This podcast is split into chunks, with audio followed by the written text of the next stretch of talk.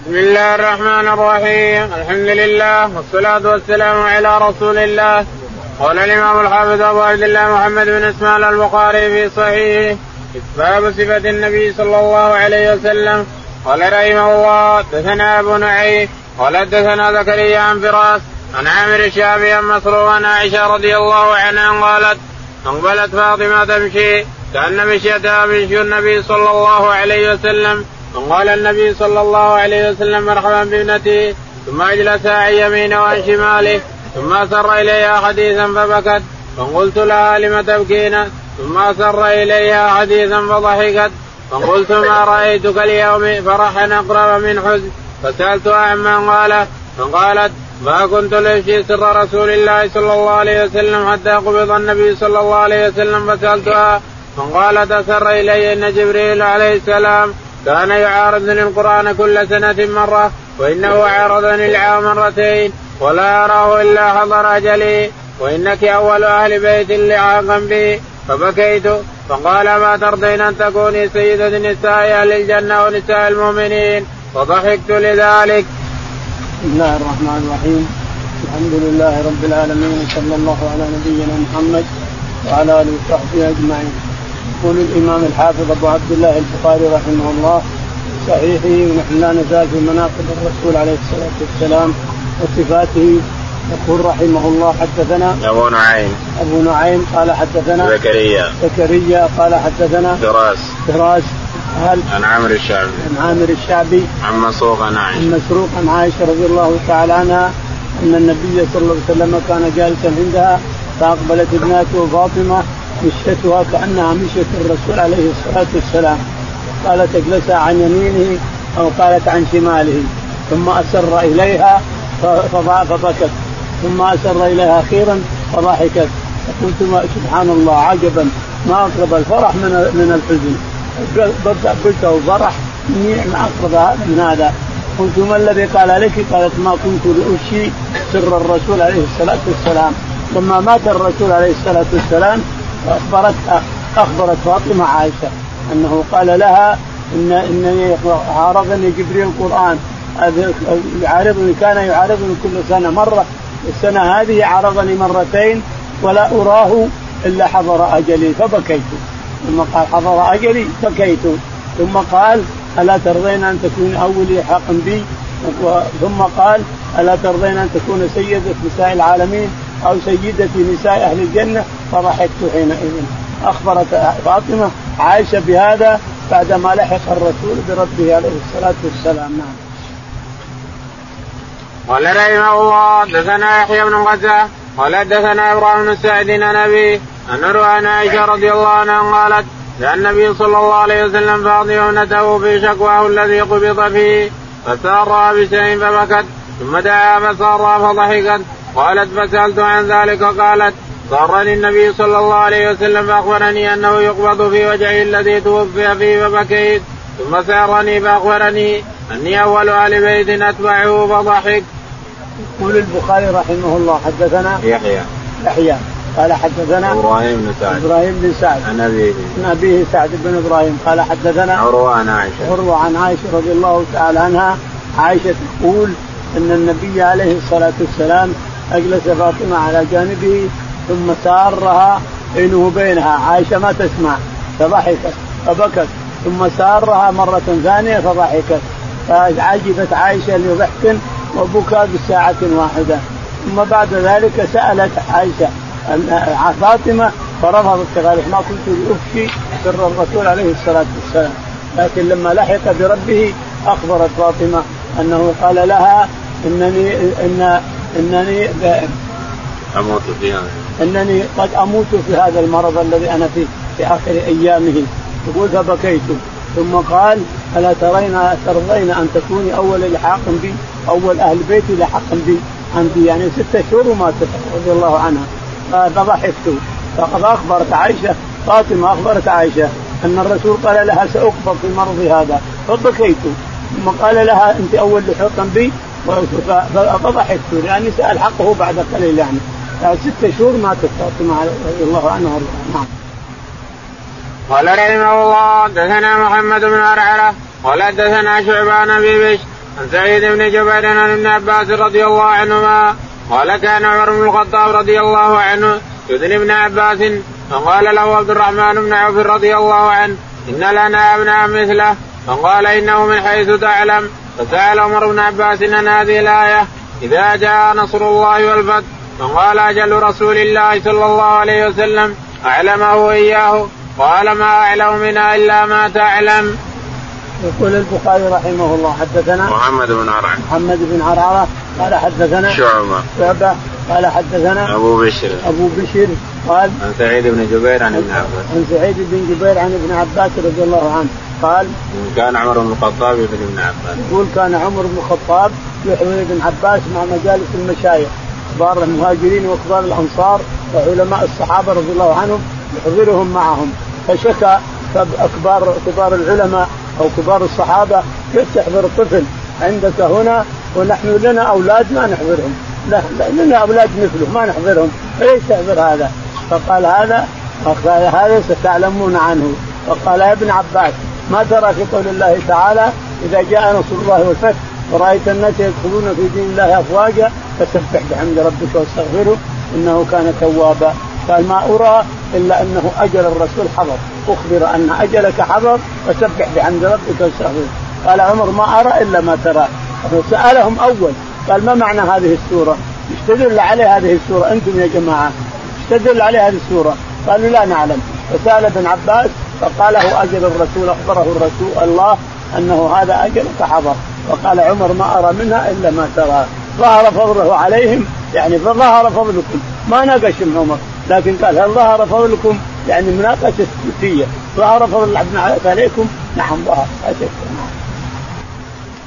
قال رحمه الله دثنا أبو نعيم قال دثنا عبد الرحمن بن سليمان بن حنزلة الغسيل قال دثنا عكرمة عن ابن عباس رضي الله عنهما قال خرج رسول الله صلى الله عليه وسلم في مرض الذي مات فيه بملحفة قد عصى بعصابة دسماء حتى جلس على المنبر فحمد الله اثنى عليه ثم قال أما بعد فإن الناس يكثرون ويقل الأنصار حتى يكونوا في الناس بمنزلة الملح في الطعام فمن ولي منكم شيئا يضر فيه قوما وينفع فيه آخرين فليقبل من محسنهم ويتجاوز عن مسيئهم. وكان آخر مجلس جلس به النبي صلى الله عليه وسلم. يقول البخاري رحمه الله حدثنا أبو نعيم أبو نعيم قال حدثنا عبد الرحمن بن عبد الرحمن بن ابن حنظله الغسيل قال حدثنا عكرمة عن ابن عباس عكرمة عن ابن عباس رضي الله عنهما أن النبي عليه الصلاة والسلام خرج في ملحفة يعاصب راسه بعصابة دسمة خطب وتكلم ثم قال آخر الكلام إن الناس يكثرون ويقلون. إن الناس يكثرون ويقلون وإن الأنصار سيقلون أو قال يكثرون فمن ولي شيئا من أمره يصيب قريش ويوصي قريش. يقول من ولي منكم من أمر لأن قريش هي اللي تلي الأمر. فمن ولي منكم من المسلمين شيئا مما يضر وينفع فليستوصي بالأنصار خيرا. فإنهم يقلون ويكثرون يقلون ويكثر الناس إلى آخره. الشاهد من ولي أنتم يا قريش من ولي من أمر الأمور شيئا يضر به وينفع فليستوصي بالأنصار. يوصي الرسول الناس بالأنصار. الخلفاء اللي يتتبعون على الملك؟ يوصيهم بالأنصار رضي الله عنهم. رضي الله عن الأنصار. قال رحمه الله حدثنا عبد الله بن محمد. قال حدثنا يحيى بن آدم قال حدثنا حسين الجعفي عن أبي موسى عن الحسن عن أبي بكر رضي الله عنه أخرج النبي صلى الله عليه وسلم ذات يوم الحسن فصعد به على المنبر فقال ابني هذا سيد ولعل الله يسلي به بين فئتين من المسلمين. يقول البخاري رحمه الله حدثنا عبد الله بن عبد الله قال حدثنا يحيى. يحيى قال حدثنا حسين الجعفي حسين الجعفي قال عن أبي موسى. عن أبي موسى الأشعري قال عن موسى عن الحسن البصري عن الحسن البصري نعم.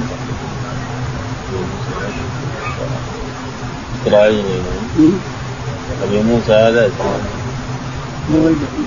ما هو أبو موسى الأشعري؟ هذا من التابع من التابع من التابع أبو موسى. هذا أبو موسى عن مين؟ عن الحسن البصري. عن الحسن البصري. عن؟ عن أبي بكر. عن أبي بكر رضي الله عنه أن النبي عليه الصلاة والسلام خرج. أخرج النبي صلى الله عليه وسلم ذات يوم الحسن فسعيد به ذات يوم أخرج الحسن معه وقع المنبر وهو معه حطه على رجليه وقال قال للناس وهو على المنبر إن ابني هذا سيد وسيصلح الله به بين فئتين من المسلمين.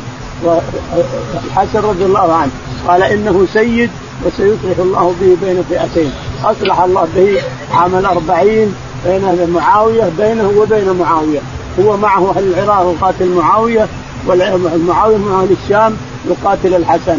فأصلح الله به. قال ليش نتقاتل يا معاوية؟ نتقاتل يا ماذا؟ أنت تبي الملك وأنا ابي الملك أنا ما ابي الملك أتنازل لك عنه. وقال خليها العراق يقتلوا أهل الشام ليش؟ طيب؟ إحنا بذمتنا الذمم هذه والدماء اللي تقتل أو الارقام اللي تروح. ليش كذا؟ أنا أتنازل لك. فارسل له ورقة مختومة بختمه. معاوية أرسل للحسن بن علي ورقة مختومة بختمه وتوقيعه. توقيع ختم من معاوية والورقة بيضاء. اكتب ما تهتم. اكتب ما تريد من الشروط. وكتب حسن رضي الله عنه ما يريد من الشروط على معاوية وتنازل له عن الملك وصار الخليفة معاوية. عام الأربعين يسمونها عام الجماعة. يعني اجتمع الناس على واحد. فقال حسن تنازل. لا ما هو للعراق. كيف تتنازل عن الملك؟ وأنت الملك وأنت ابن محمد وأنت ابن فاطمة وأنت. قال هذا كله ما ما يضرني ولا ينفعني. أنا أنا الحسن. تنازلت ولا ملكت ولا شيء. آخر موت يسبون منه. آخر موت. قال له يتولاه غيري. يتولى مسؤولية العالم غيري أحسن. تولاها معاوية. عام الستين نعم. أبو موسى إسرائيل بن موسى. إسرائيل بن موسى ما يهم. سميناه بس أنه تابعي موسى. أبو موسى. طيب. قال رحمه الله حدثنا سليمان بن حرب. قال حدثنا حماد بن زيد عن أيوب عن حميد بن هلال عن أنس بن مالك رضي الله عنه أن النبي صلى الله عليه وسلم نهى جعفرا وزيدا قبل أن يجيء خبرهم وعيناه تذرفان. يقول البخاري رحمه الله حدثنا سليمان. سليمان قال حدثنا حماد. حماد قال حدثنا أيوب. أيوب قال عن حميد بن هلال. عن حميد بن هلال قال عن أنس بن مالك. عن أنس رضي الله تعالى عنه أن النبي عليه الصلاة والسلام نعى جعفرا زيد بن حارثة أرسلهم لقتال الروم. في النوبه قال الملك غسان في تربة. تربه هذه في ارض واسعة بيننا وبين الأردن. الأرض الواسعة تسمى البلقاء وتربة فيها هناك بيننا وبين الأردن في حدود الأردن. فأرسلهم يقاتلون الروم بثلاث آلاف. فقال ياخذ الراية زيد بن حارثة. فإن قتل فجعفر بن أبي طالب. فإن قتل فعبد الله بن رواحة. وبتتك عليه الصلاة والسلام. لكن لما ذهبوا وقتلوا نعاهم للناس على المنبر. قال أخذ الراية زيد فأصيب. ثم أخذ الرأية جعفر فأصيب. ثم أخذ الرأية عبد الله بن رواحة فأصيب. وعيناه تذرفان يخبرهم قبل أن يأتي خبرهم. يخبرهم الساعة التي قتلوا فيها قبل أن يأتي. ما جاء خبرهم إلا بعد شهر. ما جاء خبر قتلهم وموتهم إلا بعد شهر. ثم أخذ الراية سيف من سيوف الله. ليس بأمرة أحد. خالد بن الوليد رضي الله عنه. اخذ الرايه خالد بن الوليد حتى انقطع في يده ثمانية اسياف انقطعت كسرت في يده ثمانية اسياف رضي الله عنه. فلما أخذها وجاء الليل قام وجعل المقدمة مؤخرة. وجعل يمين يسار. وقفه في المقدمة. ووقف في المقدمة لكنه غير غير الكتائب الخمس غيرها جعل المقدمه مؤخره واليمين يسار. والقلب هو هو. ثم هو وقف في وقف في المقدمة. لما أصبح الصباح ورأى الروم أن الجيش تغير وأن القلب صار يمين يسار وأن الميمنة ميسرة والقدم مؤخر قالوا إحنا عجزنا عنهم. ومن قريب كيف جاءهم مدد. يلا. وهربوا فرجع بالجيش. لما وصلوا المدينة قال الناس لهم أنتم الفرارون. قال الرسول هم الكرارون وهم الفرارون. يعني ثلاث آلاف قبل مئة ألف ما يصير. فقال هم الكرارون ليش الفرارون. سماه الرسول ذلك اليوم. سيف من سيوف الله. سيف سيف من مسلول الله. سيف خالد بن الوليد. سيف من سيوف الله. نعم. قال رحمه الله حدثنا عمرو بن عباس. قال حدثنا ابن مهدي. قال حدثنا سفيان محمد بن المنكدر. عن جابر رضي الله عنه قال قال النبي صلى الله عليه وسلم هل لكم من الماط؟ قلت أنا يكون لنا الألماط؟ قال أما إنه سيكون لكم الأنماط فأنا أقول لا يعني امرأتي أخري عني أنماطك فتقول ألم يقل النبي صلى الله عليه وسلم إنها ستكون لكم الأنماط فعدوها يقول البخاري رحمه الله حدثنا عمرو بن عمرو عمرو بن قال حدثنا عبد الرحمن بن مهدي. عبد الرحمن بن مهدي قال قال حدثنا سفيان. حدثنا سفيان قال عن محمد بن المنكدر محمد بن المنكدر عن جابر بن عبد الله. عن جابر رضي الله عنه أنه لما تزوج وأتى الرسول عليه الصلاة والسلام وسأله ذكره ولا ثيب؟ قال ثيب. وسال عن القصة مشهورة في غزوة تبوك عند رجوع الرسول من غزوة تبوك. الشاهد أنه قال له ستكون لكم أنماط. أنماط الملح الفراش الذي له خمل. ذوليه لها خمل كبير زرع. لها زرع طويل مرة. يعني كان يوقيكم. ستكون لكم أنماط. وهي مثل الحرير. صوف لكنها مثل الحرير وزرعها طويل مرة. ملحفه قال ستكون لكم أنماط. لما فتحت الفتوحات ومصرت الأمصار صارت الأنماط. فيقول جابر أخري عني أنماطك. قال فلم يقل الرسول عليه الصلاة والسلام ستكون لكم أنماط يعني أننا سنتخذ الأنماط نحن فليس آخرها. احتجت عليه بقول الرسول ستكون لكم أنماط فالآن كانت لنا. ليه ناخرها خلاص. الرسول يقول تكون لكم فهي لنا اليوم ليش ليش ناخرها يعني كان جابر يكرهها لأنها رقيقة جدا وزرعها طويل وفراشها لين كان جابر يتجفف عنها إلى آخره. نعم. قال رحمه الله حدثنا أحمد بن إسحاق قال حدثنا عبيد الله بن موسى قال حدثنا إسرائيل عن أبي إسحاق عن عمرو بن ميمون عن عبد الله بن مسعود رضي الله عنه قال انطلق سعد بن معاذ رضي الله عنه معتمرا قال فنزل على أمية بن خلف في صفوان وكان أمية إذا انطلق إلى الشام فمر بالمدينة نزل على سعد فقال أمية لسعد انتظر حتى إذا انتصف النهار وقف الناس انطلقت فطبت فبينما سعد يطوف إذا أبو جهل فقال من هذا الذي يطوف بالكعبة؟ قالوا سعد. قال أنا سعد. فقال أبو جهل تطوف بالكعبة امنا. وقد آويت محمدا وأصحابه. فقال نعم. فتلاحيا بينهما. فقال أمية لسعد لا ترفع صوتك على أبي الحكم فإنه سيد أهل الوادي. ثم قال سعد والله لئن منعتني أن أطوف بالبيت لاقطعن مسجرك بالشام. قال فجعل أمية يقول لسعد لا ترفع صوتك.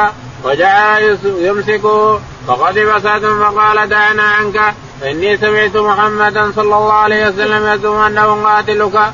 قال إياي. قال نعم. قال والله ما يكذب محمد إذا حدث. فرجع إذا لامراته فقال ما تعلمين؟ ما قال لي أخي ليسربي. قالت وما قال؟ قال زعم أنه سمع محمدا يزعم أنه قاتلي قالت فوالله ما يكذب محمد. قال فلما خرجوا إلى بدر وجاء الصريق قالت له امرأته أما ذكرت ما قال لك أخوك اليثربي قال فأراد أن لا يخرج. فقال له أبو جهل إنك من اشراف الوادي فسر يوما أو يومين. فسار معهم فقتله الله. يقول البخاري رحمه الله حدثنا أحمد بن إسحاق. أحمد بن إسحاق. قال حدثنا عبيد الله. عبيد الله. قال حدثنا إسرائيل. إسرائيل. عن أبي إسحاق. عن أبي إسحاق. قال حدثنا عمرو بن ميمون. عمرو بن ميمون. عن عبد الله بن مسعود. عن عبد الله بن مسعود رضي الله تعالى عنه أنه قال نعم. انطلق سعد بن معاذ انطلق سعد بن معاذ من المدينة إلى مكة يريد العمرة. فلما أتى المدينة فلا أتى مكة. نزل على اميه بن خلف وكان صديقا له. وكان إذا سافر أمية إلى الشام يأتي المدينة وينزل على سعد بن معاذ سيد الأوس رضي الله تعالى عنه. سعد بن معاذ سيد الأوس. فينزل عليه أمية وسعد ينزل على على أمية بن خلف في مكة. وهذا ينزل عليه بالمدينة سافر. فجاء سعد مرة من المرات ونزل على أمية فقال انتظر حتى يقف الناس تطلع الشمس وتحتر الشمس مرة واحدة ويقف الماشي مرة واحدة لأجل أدخلك في المطاف تطوف فجاء لما حصل احترت الشمس الظهر وصل الظهر وصار الناس واقفين ما يمشي أحد. اطلعه جاء به يطوف بالبيت فطاف بالبيت سعد رضي الله عنه. فجاء أبو جهل شقي أبو جهل. شقي كل مشكلة يجي فيها. كل مشكلة تعال الله يجي فيها. فجاء ونظر إلى سعد. من هذا اللي يطوف بالبيت؟ فقالوا هذا سعد بن معاذ. فقال هذا اليثربي قال أنتم أويتم محمدا إليكم؟ قال نعم. قال له أمية أمية بن خلف لا ترفع صوتك على سيد الوادي. يعني أبو جهل سيد الوادي عندهم. الشاهد إن إن سعد تم طوافه ثم قال والله, والله لأمنعن عيركم التي تمر من الشام.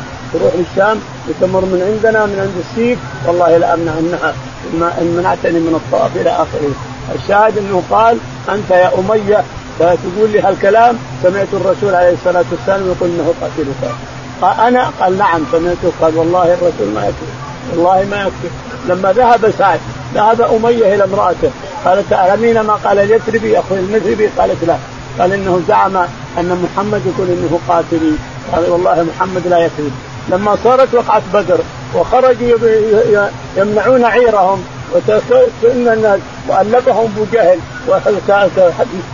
اميه اراد لا يخرج فقال أبو جهل كيف؟ أنت سيد الوادي ثم خرجت ما خرج الناس. لكن إيش معنى يوم ويومين وبعدين ارجع بغيت ترجع. بس إيش معنى ولا تسب الناس. إيش معنى سيد الوادي إيش معنى يوم أو يومين وبعدين بغيت ترجع ارجع. فخرج مع أمية بن خلف زعمه يوم ويوم لكن جره الله إلى بدر. ومشى إلى بدر وأراه وقتله الله هناك قتله بلال رضي الله تعالى بلال أسره أسره عبد الرحمن بن عوف وأخذه معه. عبد الرحمن أسر أسيرين. ولكن لما جاء أمية بن خلف قال ما تبغي الفلوس؟ خذ بيدي. فأخذ ترك الأسيرين وأخذ بيد أمية بن خلف. فقال بلال أيها الأنصار يا أنصار الله يا أنصار الله. أمية بن خلف يا أنصار الله أمية بن خلف. لا نجوت الا بلال رضي الله عنه. كان أمية بن خلف يعذبوه هنا في مكة. يجعل الصخرة الحارة الجمرة اللي جمر متبع على بطنه وهو عريان. يقول أحد أحد. اقتل بمحمد يقول أحد أحد. اقتل بمحمد أحد أحد. لما جابه الله في هذا المكان دعا الأنصار. يا أنصار الله.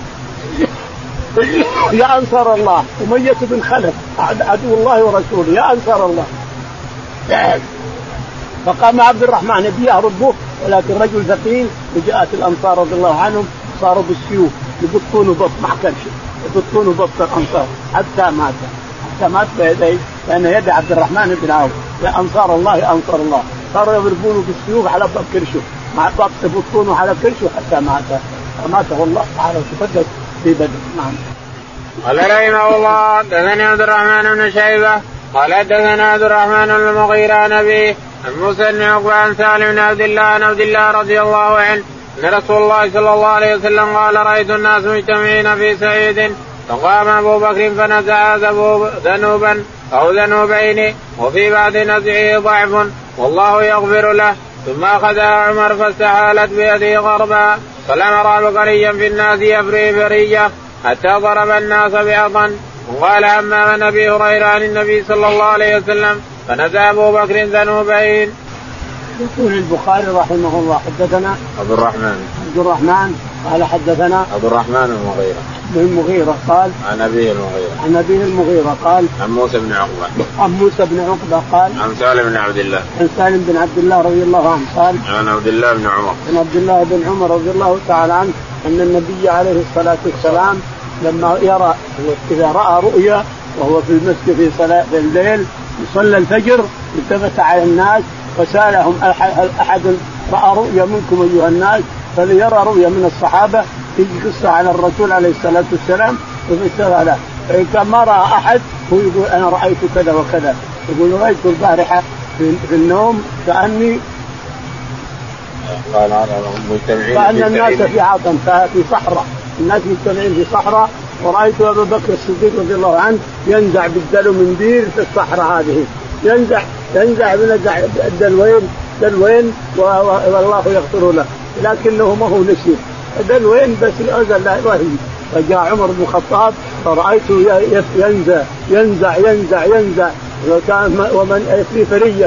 يقول حتى مال الناس بعطن يعني روم. ارتووا أهل المحل هذه المجتمعين كلهم حتى ارتووا وصدر الناس بعطن الشاهد عمر الرؤيا هذه هي الخلافة. أبو بكر رضي الله عنه سنتين وست شهور وعمر أكثر من عشر سنين وزياده عشر سنين حتى صار الناس بعطن. فتح الفتوحات ومسخر الامصار فتح فارس وكسرى. فارس كسرى وفتح قيصر والروم. فتح عمر رضي الله عنه في وقته. نعم. ولم ارى بقريا بالناس يفري فريا لم ارى عبقريا يعني نشيط جيد يفري فريا يعني ينزع نزعه. لأنه أخذ عشر سنين كلها فتوحات وكلها في صالح المسلمين. نعم. قال رحمه الله دثنا عباس بن الوليد النرسي قال دثنا معتم قال سمعت أبي قال دثنا أبو عثمان قال انبئت أن جبريل عليه السلام أتى النبي صلى الله عليه وسلم وعنده أم سلمة فجعل يحدث ثم قام فقال النبي صلى الله عليه وسلم لما سلمة من هذا؟ أو كما قال قال قالت آه قالت هذا دحيته قالت أم سلمة أيم الله ما حسبته إلا إياه حتى سمعت خطبة نبي الله صلى الله عليه وسلم يخبر جبريل. أو كما قال قال فقلت لأبي عثمان ممن سمعت هذا؟ قال من أسامة بن زيد. يقول البخاري رحمه الله حدثنا عباس. عباس قال حدثنا معتمر بن سليمان. معتمر قال حدثنا أبو سليمان. أبو سليمان طرخان قال حدثنا أبو عثمان. أبو عثمان النهدي قال قال انبئت أن جبريل عليه السلام أتى النبي صلى الله عليه وسلم. يقول انبئت أن النبي عليه الصلاة والسلام أتى جبريل أتاه جبريل وهو عند أم سلمة. يعني اليوم والليلة لأم سلمة رضي الله عنها لكن عندها الرسول عليه الصلاة والسلام. فأتاه جبريل على صله دحية الكلبي ودايم عليه الصلاه عليه الصلاة جبريل تصور بصورة دحية الكلبي يحدث الرسول لأنه جميل الصورة جميل الصورة منتهى الكمال. الشاهد أنه كان يحدث الرسول عليه الصلاة والسلام وأم سلمة تحسبه دحية الكلبي وهو جبريل عليه السلام تقول والله ما علم حتى قام الرسول عليه الصلاة والسلام وخرج قال تعلمين من هذا؟ قلت والله ورسوله قال هذا دحيه هذا جبريل هذا. يقول والله ما حسبت إلا دحيه الكلب يقول لما خطب الرسول عرفت أنه جبريل وقد أخبرها قبل ذلك. قلت له من أخبرك بهذا؟ قال أسامة بن زيد. يعني أسامة أخبرته أم سلمة. أسامة بن زيد أخبرته أم سلمة. نعم. باب قول الله تعالى يعرفونه كما يعرفون أبناءهم. وإن فريقا منهم ليكتمون الحق وهم يعلمون. قال رحمه الله دثنا عبد الله بن يوسف قال أخبرنا مالك بن أنس النافع عن عبد الله بن عمر رضي الله عنهما أن اليهود جاءوا إلى رسول الله صلى الله عليه وسلم فذكروا له أن رجلا منهم امرأة زنيا فقال لهم رسول الله صلى الله عليه وسلم ما تجدون في التوراة في شأن الرجل؟ فقالوا نفضهم ويجلدون. فقال عبد الله بن سلام رضي الله عنه كذبتم. إن فيها الرجم فأتوا بالتوراة فنشروها فوضع أحدهم يده على آية الرجم فقرأ ما قبلها وما بعدها. فقال له عبد الله بن سلام ارفع يدك. فرفع يده فإذا فيها آية الرجم فقالوا صدق يا محمد فيها آية الرجم. فأمر بما رسول الله صلى الله عليه وسلم فرجما. قال عبد الله فرأيت الرجل يجنى على المرأة يقيها الحجارة. يقول البخاري رحمه الله حدثنا باب قول الله تعالى يعرفونه باب قول الله تعالى يعرفونه كما يعرفون ابنائهم يعني اليهود يعرفون القرآن يعرفون التوراة يعرفون اللي نزل على محمد كما يعرفون ابنائهم مثل ما يعرف ولده يعرف القرآن وأنه من الله من عند الله تعالى وتقدس ولكنهم حتى كفرة. يقول تعالى يعرفونه كما يعرفون ابنائهم وإن فريقا منهم لا يكتمون الحق. وان فريقا منهم لا يكتمون الحق وهم يعلمون. علماؤهم يكتمون الحق على اليهود على أبنائهم على جماعتهم. يكتمون الحق كلهم يعرفون أنه حق وأن القرآن حق وأن الرسول حق وأن كله كلام الله. القرآن كلام الله والتوراة كلام الله والإنجيل كلام الله. يعرفون هذا كله لكنه يكتمون الحق وهم يعلمون. نعم. قال حدثنا عبد الله. يقول البخاري رحمه الله حدثنا عبد الله قال حدثنا مالك. مالك قال حدثنا نافع عن ابن عمر. نافع عن ابن عمر أن النبي عليه الصلاة والسلام قال أن اليهود جاءوا إلى رسول الله صلى الله عليه وسلم فذكروا له أن رجلا أن اليهود جاءوا إلى الرسول عليه الصلاة والسلام وقالوا له إن اثنين زنيا من اليهود فما نفعل يا رسول الله يا محمد؟ ترون لعله أن يخفف عنهم نبي ولعله أن يأتي أن يأتي بشيء يخفف عنهم. قال ما تقرون في التوراة. ما في التوراة عندكم. التوراة مثل القرآن نزلت من الله تعالى وتقدس. فما الذي تجدونه في التوراة. أن نجي أن نفضحهم ونسود وجوههم ونحلق لحية ونطوفهم بأسواق بحمار ونفضحهم عند الناس. قال عبد الله بن سلام كذبتم فيه الرجم. التوراة فيها الرجم. عبد الله بن سلام تسلم قبل ذلك. قال فأتوا بالتوراة. فأتوا بالتوراة وكان يقرأ قبل الرجم وبعدها. قال عبد الله بن سلام ارفع يدك. فرفع يده وإذا آية الرجم. قال يا محمد هذه آية الرجم. فأمر بهما أن يرجم الرسول عليه الصلاة والسلام أمر باليهود أن يرجم الاثنين المرأة والرجل. فصار الرجل يحدب على المرأة يحني عليها يقيها الحجارة لكن ما نفع. قتل الرجل وقتلت المرأة. باب سؤال المشركين أن يريهم النبي صلى الله عليه وسلم آية. فأراه من شقاق القمر. قال رحمه الله حدثنا صدقة بن الفضل قال أخبرنا ابن عيينة بن أبي نجيه عن مجاهد عن أبي معمر عن عبد الله بن مسعود رضي الله عنه قال شق القمر على عهد رسول الله صلى الله عليه وسلم شنقتين وقال النبي صلى الله عليه وسلم اشهدوا.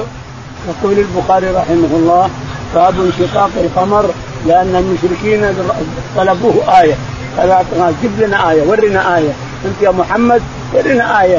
فانشق القمر عنه. حتى إن الركبان اتوا من الخلاء وقالوا راينا القمر؟ انشق نصفين. رأينا القمر انشق نصفين. يقول حتى رأينا أبو قبيس فرقة من هنا وأبو قبيس بينهما. بين الفرقة هذه والفرقة رايناه بأعيننا. ورأته المشركين كافه كلهم. لكن ما زادهم إلا عناد وكفر. حتى إن الركبان يقول يأتون إلى مكة يقول رأينا القمر انشق رأينا القمر انشق شقتين نصفين هنا وهنا. اقتربت الساعة وانشق القمر. نعم. قال رحمه الله حدثنا عبد الله بن محمد. قال حدثنا يونس قال حدثنا شيبان قتادة عن أنس بن مالك. وقال لي خليفه حدثنا زيد بن زرعي. قال حدثنا سعيد بن قتادة عن أنس بن مالك رضي الله عنه انه حدثه أن أهل مكة سألوا رسول الله صلى الله عليه وسلم أن يريهم آية. فأراه من شقاق القمر. يقول البخاري رحمه الله حدثنا عبد الله. عبد الله قالوا قال حدثنا يونس. حدثنا يونس قال حدثنا شيبان. شيبان قال قال حدثنا قتادة عن أنس. قال حدثنا قتادة عن أنس بن مالك رضي الله تعالى ثم حول السند نعم ثم حول السند. قال قال حدثني خليفة. حدثنا خليفة قال قال حدثنا زيد بن زريع. زيد يزيد بن زريع قال عن سعيد عن قتادة. عن سعيد عن قتادة. عن أنس بن عن أنس بن مالك رضي الله تعالى عنه أن القمر انشق على عهد الرسول عليه الصلاة والسلام سؤال قريش كفار قريش سألوه آية. فانشق القمر نصفين حتى يقول يقول ابن مسعود ابن مسعود بمكة ذلك اليوم. يقول رأينا القمر بين بين شقتين يمنع عن جبل قبيس ويمنع عن يساره. قالوا انشق. ومن جاء من الركبان قالوا انشق. رأينا القمر انشق. كل من أتى من الركبان من الخلاء من البر قالوا رأينا القمر انشق. هذا بسؤال قريش لكن شو اللي حصل؟ اقترب للناس اقتربت الساعة انشق القمر وإن يروا آية يعرضوا ويقولوا سحر مستمر. قالوا إيه هذا سحر محمد؟ انشق القمر من سحر محمد. سحر القمر. القمر يقدر عليه محمد يسحره في السماء ومحمد في الأرض لكن العقول نعوذ بالله. وإن يروا آية يعرضوا ويقولوا سحر مستمر. إيش جزاهم الرسول عليه الصلاة والسلام. كان أبو قبيس مرتفع ما هو بهذا الشكل. كان مرتفع وكان القمر شرقة هنا وشرقة هنا. قال رحمه الله حدثنا خلف بن خالد القرشي قال حدثنا بكر بن مضر عن جعفر بن ربيعه عن راكب بن مالك عن عبيد الله بن عبد الله بن مسعود عن ابن عباس رضي الله عنهما أن القمر انشق في زمان النبي صلى الله عليه وسلم. يقول البخاري رحمه الله حدثنا خلف خلف بن خليفه قال حدثنا بكر بن مضر بكر بن مضر قال حدثنا جعفر بن ربيعه جعفر بن ربيعه قال عن عراك بن مالك. عن عراك بن مالك قال عن عبيد الله بن عن عبيد الله بن عبد بن عوس بن عتبة. قال عن ابن عباس عن ابن عباس بن عتبه بن مسعود. عن ابن عباس رضي الله عنهما قال أن القمر انشق في زمان النبي أن القمر انشق في زمن النبي عليه الصلاة والسلام وذلك بسؤال المشركين آية. سألوا الرسول عليه الصلاة والسلام أن ينشق القمر. قالوا انشق. فانشق القمر فرقتين فرقة عن يمين ابي قبيس وفرقة عن شماله. باب قال رحمه الله حدثني محمد بن المثنى قال حدثنا معاذ قال حدثنا أبي عن قتادة قال حدثنا أنس رضي الله عنه أن رجلين من أصحاب النبي صلى الله عليه وسلم خرجا من عند النبي صلى الله عليه وسلم في ليلة مظلمة ومعهما مثل المصباحين يضيئان بين أيديهما فلما افترقا صار مع كل صار مع كل واحد منهما واحد حتى اتى اهله. يقول البخاري رحمه الله حدثنا محمد. محمد قال حدثنا معاذ. معاذ قال حدثنا عن أبيه. عن أبيه قال عن قتادة عن أنس. عن قتادة عن أنس رضي الله تعالى عنه أن رجلين خرجا من عند النبي عليه الصلاة والسلام. يقال إنهما سعد وأسيد. سعد بن معاذ وأسيد بن حضير. خرجوا من عند النبي بالليل فأضاء لهم النور. نور يمشي أمامهم يمشون في الظلام يمشي يمشي أمامهم فلما تفرق هذا بيته هنا وهذا بيته هنا خرج انشق النور فصار مع هذا نور ومع هذا نور حتى وصلوا إلى بيتهما هذه كرامة لهما من لأن كانوا عند النبي عليه الصلاة والسلام نعم. وسيد بن حضير وعباد بن بشر. عباد بن بشر وهو سعد. وسيد بن حضير. طيب. قال رحمه الله حدثنا عبد الله بن أبي الأسود قال حدثنا يحيى عن إسماعيل قال حدثنا عن قيس قال سمعت المغيرة بن شعبة عن النبي صلى الله عليه وسلم قال لا يزال ناس من أمتي ظاهرين حتى ياتيهم أمر الله وهم ظاهرون. يقول البخاري رحمه الله حدثنا عبد الله.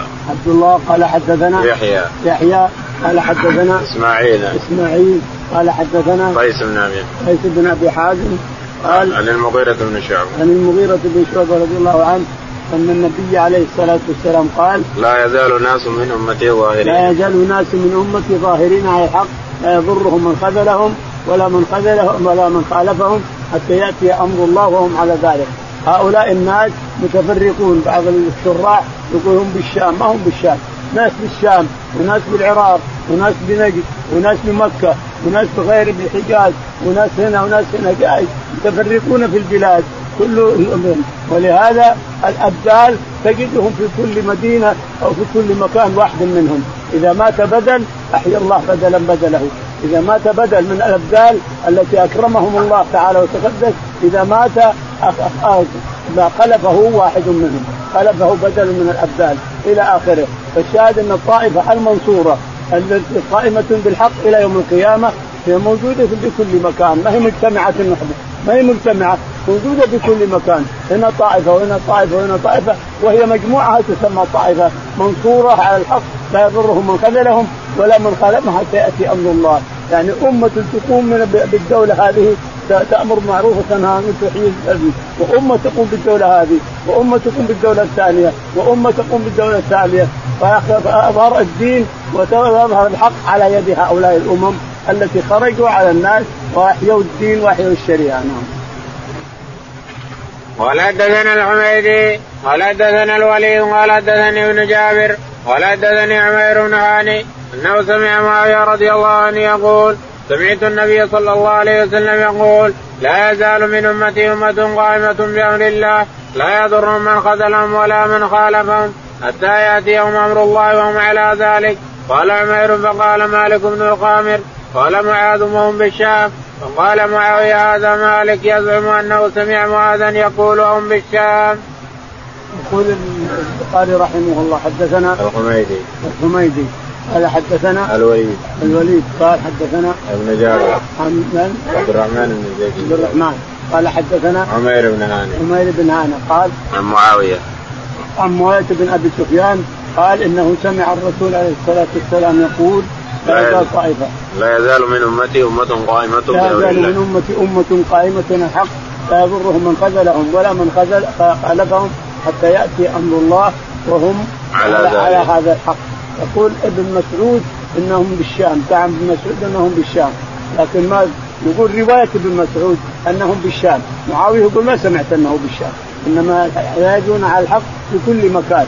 طائفة من أمة محمد يهاجون على الحق ظاهرين لا يضرهم من خذلهم ولا من خالفهم حتى يأتي أمر الله وهم على ذلك متفرقين في البلاد. قال رحمه الله حدثنا علي بن عبد الله قال أخبرنا سفيان قال حدثنا شبيب بن غرقدة قال سمعت الحي يحدثون عن عروة أن النبي صلى الله عليه وسلم أعطاه دينار يشتري له بشاه فاشترى له به شاتين فباع إحداهما بدينار وجاءه بدينار وشاه فدعا له بالبركة في بيعه وكان لو اشترى التراب لربح به. قال سفيان كان الحسن بن عمارة جاءنا بهذا الحديث عنه. قال سمعت قال سمعه شبيب من عروة. فأتيته فقال شبيب إني لم أسمع من عروة. قال سمعت الحي يخبرون عنه. ولكن سمعته يقول سمعت النبي صلى الله عليه وسلم يقول الخير معقود بنواصي الخيل إلى يوم القيامة.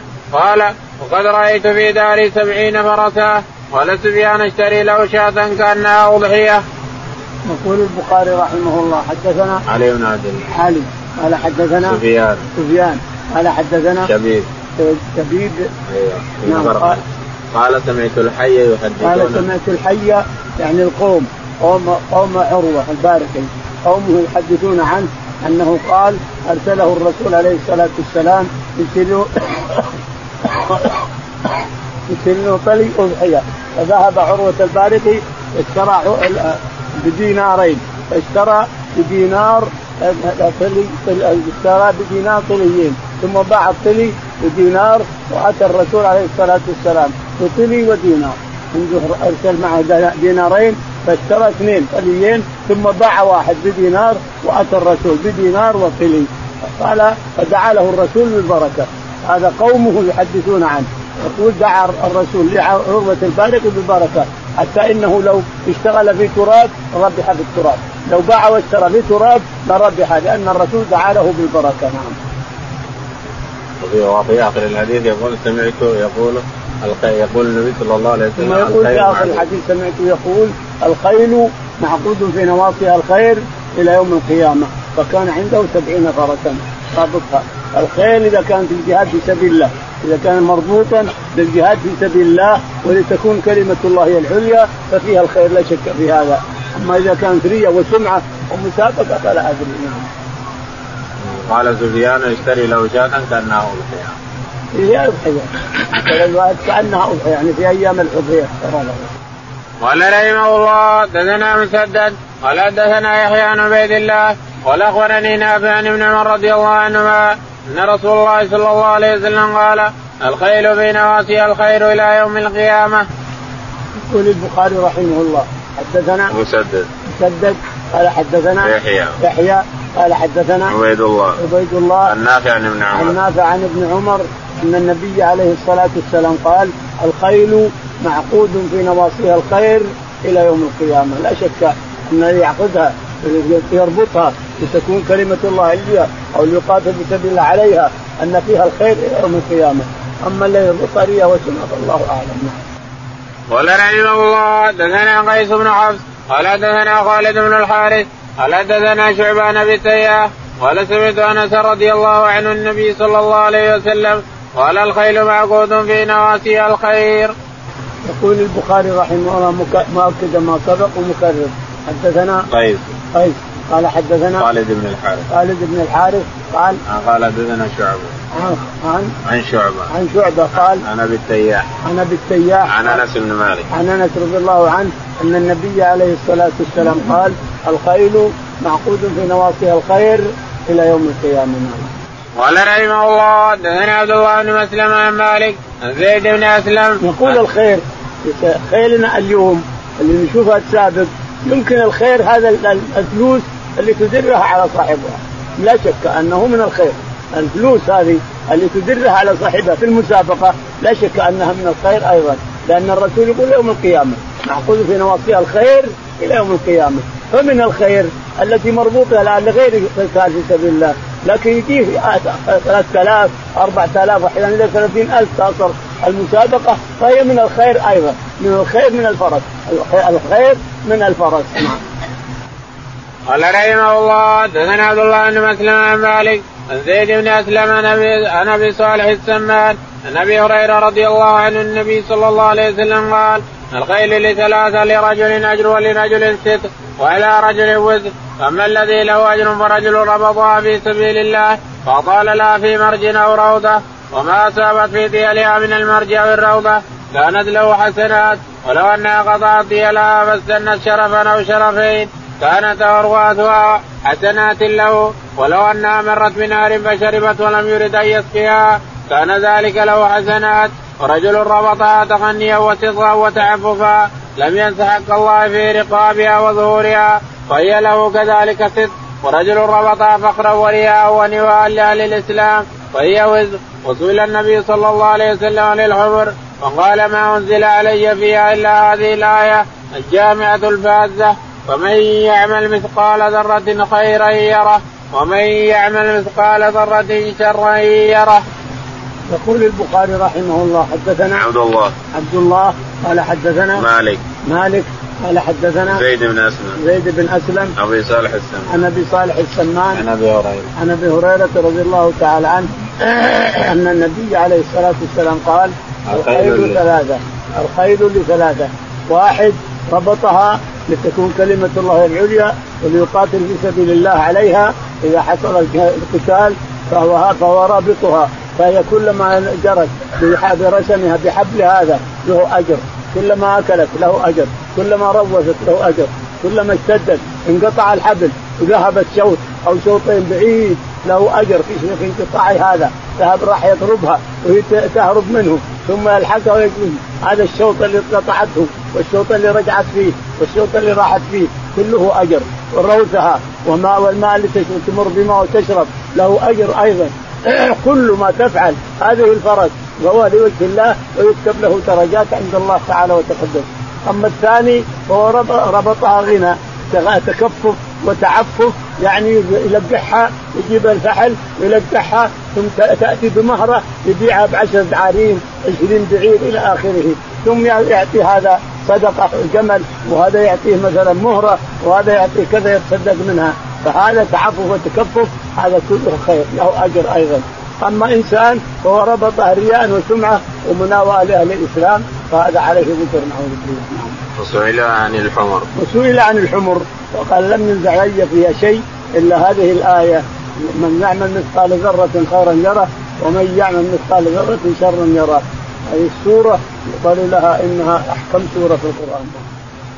قال رحمه الله حدثنا علي بن عبد الله قال حدثنا سفيان قال حدثنا أيوب محمد قال سمعت أنس بن مالك رضي الله عنه يقول صبح رسول الله صلى الله عليه وسلم خيبر بكرة وقد خرجوا بالمساء فلما رأوا قالوا محمد والقميص وحالوا إلى الحسن يسعون.